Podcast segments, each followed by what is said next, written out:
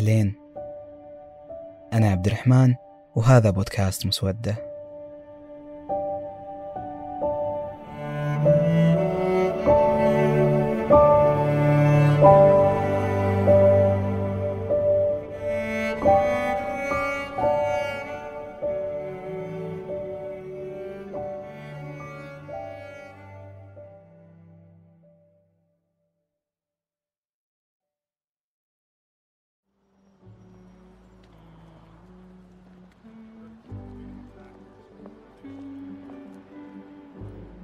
في فيلم The Secret Life of Walter Mitty واحد من أكثر الأفلام اللي أعيدها ما بحرق الفيلم على اللي ما شافه بس باختصار.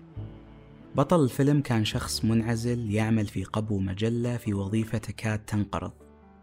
ويستوعب أن الشيء اللي كان ينقصه عشان يتخذ أهم قرار في حياته أنه يبدأ سلسلة من المغامرات.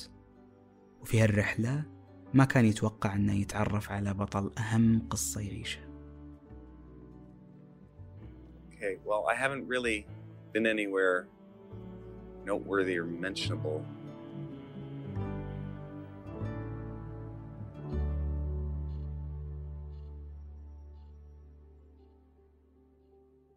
يطمح البشر في عيش حياة تكون قلوبهم فيها مليانة طمأنينة يشعرون بالحب والتقدير فيها طوال مراحلها حياة من يصحون فيها كل صباح قائلين مع كل اللي صار وكل اللي بيصير هل أنا في هذه اللحظة أنا؟ وهل هذا شيء يكفيني؟ وإلى الهواجيس الأخيرة في يومهم وراسهم على مخدة باردة متسائلين أنا مو كامل وقد أكون معرض للضعف وأحيانا أكون خايف لكن متى بحس أني شجاع وأستحق الحب والانتماء لشيء يشبهني كل هالحوارات الداخلية ما بتنبع إلا عند وصولنا لمرحلة أنا مجهد من كوني خايف متردد ومتذمر Has life presented us with a challenge, a problem, an opportunity, a struggle, or any form of adversity today, and life presents us on the screen of our mind of our life, and it says, a new version of you, you 2.0, is available to you right now. Would you like to download it now? Yes or no? Okay or cancel? Download it now or later.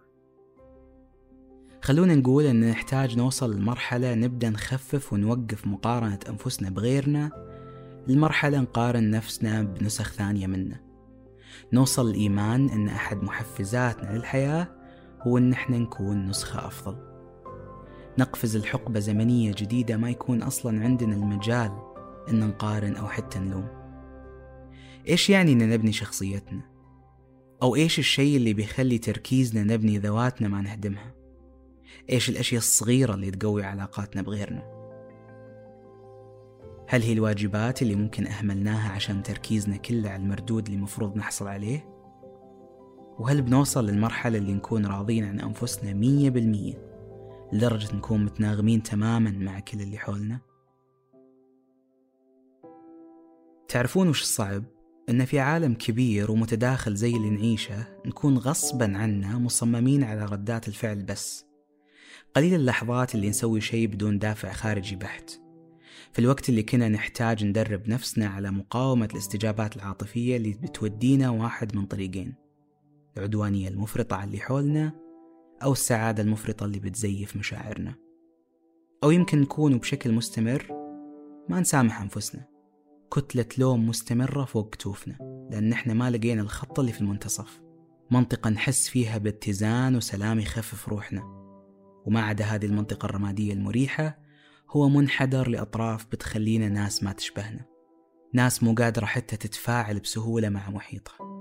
والمؤسف واللي بيكون مؤلم لنا أن أكبر معركة خاسرة بنخوضها ستكون تلك التي أمام أنفسنا. والحزن الأطغى حزننا على أنفسنا. والشفقة الأقسى شفقتنا على أنفسنا.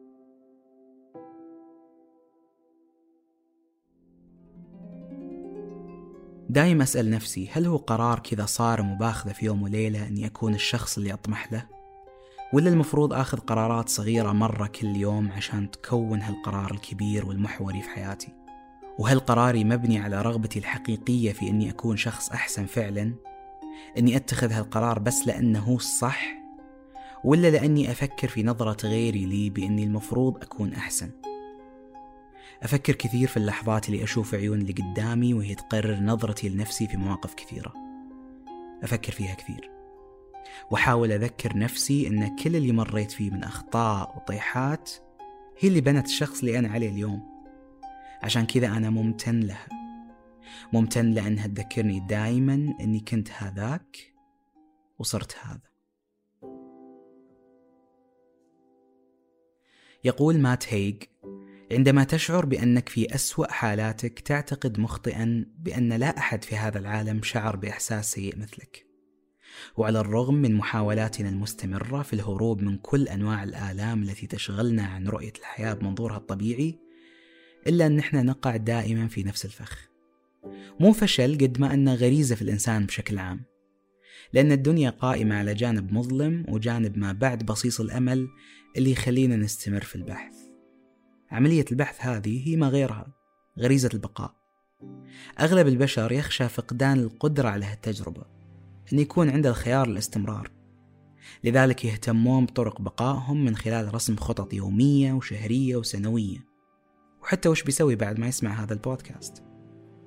وفي نص هالرحلة من التخطيط لكل شيء في حياته شوي شوي بينسى أهم عنصر في خطته نفسه. كيف بيكون الشخص اللي يقدر يسوي هذه الخطة أو كيف بيكون المقومات اللي في ذاته واللي بتساعده في هالخطة. وفي الوقت اللي كل شيء قائم على ضمانات ضمانات التحصيل الدراسي والوظيفة والعلاقات بنبحث بحث عميق للطرق المؤدية إلى ذواتنا والوصول أخيرا للنقطة اللي تحسسنا بلذة الإنجاز. ونشعر أن إحنا أبطال قصتنا. هذه القصة اللي كلفتنا الجهد لجعلنا راضين عن أنفسنا أولا وعن كل شيء غيرنا ثانيا. يمكن كنت تفكر لوقت طويل أنك تملك دور البطولة لكن في الحقيقة كنت في قصص ناس ثانيين تاخذ ردات فعل لا أكثر.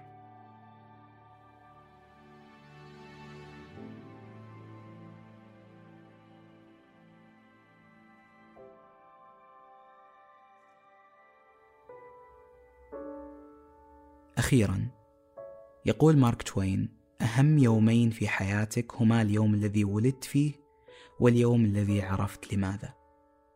في هذا الفصل تكلمنا عن أشياء كثيرة كلها كانت مطبات في طريق واحد فقط في أن إحنا نكون النسخة الأفضل من أنفسنا بدل نسخ من أشخاص غيرنا أن ننتزع دور البطولة في روايات حياتنا لأن إحنا بكل بساطة الكاتب والمؤلف والناشر. مو ممثلين كومبارس في مسرحية أو فيلم قصير ما يعني لذاتنا شيء أو ما يبنيها. بطل القصة مو الشخص اللي يصفق أو يبكي في الخلفية. بطل القصة هو اللي يكون وجهه ملطخ بالطين يتعرق بشدة ووجهه مليان ندبات وجروح تختلف مراحل شفائه. البطل اللي يمكن يحس بالتعب في داخله لكن في هذيك اللحظة الختامية يحس أن كل هذا التعب يتلاشى ويبدأ يتحرر من كل ألم. البطل الواقف في المنتصف المقرر لبداية فصل جديدة وتجربة جديدة. لحظتها يستوعب إنه ما بيفرق إذا كان شخص كويس ولا لا. اللي بيفرق إنه قاعد يصير نسخة أفضل اليوم وراح يصير نسخة أرهب بكرة. لحظة على الأقل يستوعب فيها إنه مو لازم يكون بطل خارق عشان يكون هو البطل. يومكم سعيد.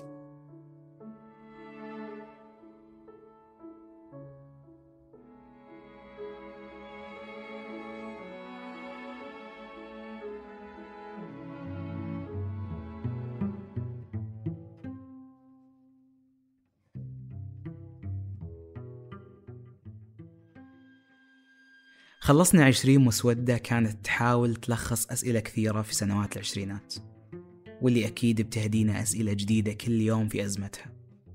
كان المشوار اللي مرينا فيه رهيب وصعب نوصفه وكانت أمنيتنا الدائمة أن مسودة يقدر يغير ولو واحد بالمية في أي شخص ابتداء من عبد الرحمن وفريق مسودة وكل من يسمع أنه يكون نسخة أفضل أو بشكل أحسن يبحث ويتساءل كيف يكون النسخة الأفضل. مشوارنا ما خلص في مسودة خلونا نقول تونا نقول أهلين. نشوفكم في الفصول الجاية اللي بتكون مختلفة شوي. قلناها آخر الحلقة بس ما بيمنع نكررها دائما. يومكم سعيد.